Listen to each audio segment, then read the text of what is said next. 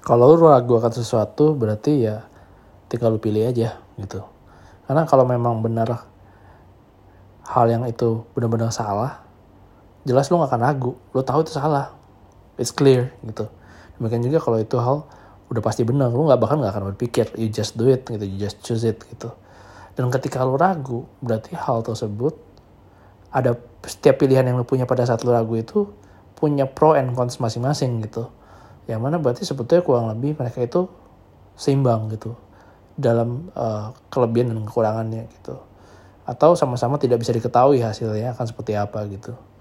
Dan pada saat momen itu ya berarti tinggal pilih aja gitu. Pilih aja uh, yang mana mau kita pilih gitu kan. Karena kita pasti udah otomatis akan pilih yang terbaik. Meskipun kita nggak bisa uh, secara detail menjelaskan kenapa pilihan satu lebih baik daripada pilihan yang lain gitu. Atau kenapa kita lebih menginginkan yang satu dibanding yang lain uh, jadi ya tinggal pilih aja gitu.